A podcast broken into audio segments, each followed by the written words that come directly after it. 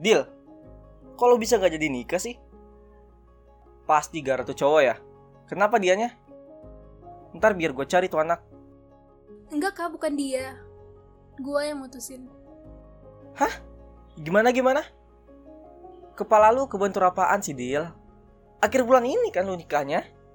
Lu jangan aneh-aneh deh, Dil. Kok lu yang heboh sih?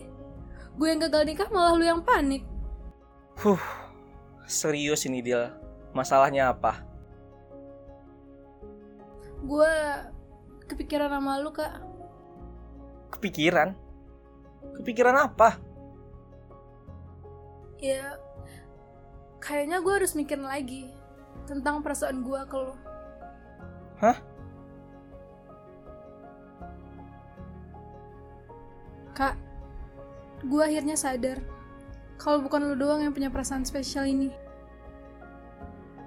Tentang perasaan nyaman gue ke lu, gue pikir itu cuma rasa nyaman antar sahabat, Kak.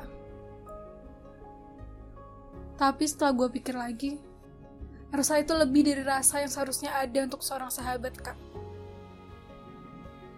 Gue telat, Kak. Telat nyadar kalau perasaan ini ternyata ada. Dan kali ini, gue gak mau kak telat lagi. Telat buat ngabarin ke lu tentang perasaan gue yang sebenarnya. Bentar, Dil, bentar. Gua masih bingung. Emang aneh sih kak. Padahal kemarin gue yang nolak lu.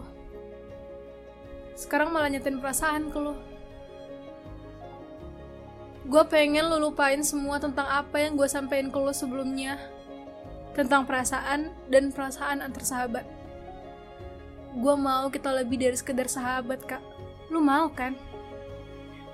Ini terlalu tiba-tiba, Dil. Gua udah coba ngelupain perasaan gua ke lu. Kayak yang lu minta. Kayak yang lu pengen, iya kan?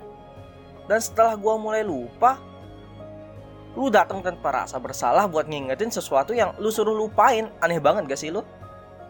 Bukan sepenuhnya salah gue kak Tapi perasaan kita yang udah kebangun sejak lama Bikin gue gak mau kehilangan lu sebagai seorang temen. Ya dulu gue mikir kalau kita pacaran Bakal bikin kita canggung satu sama lain.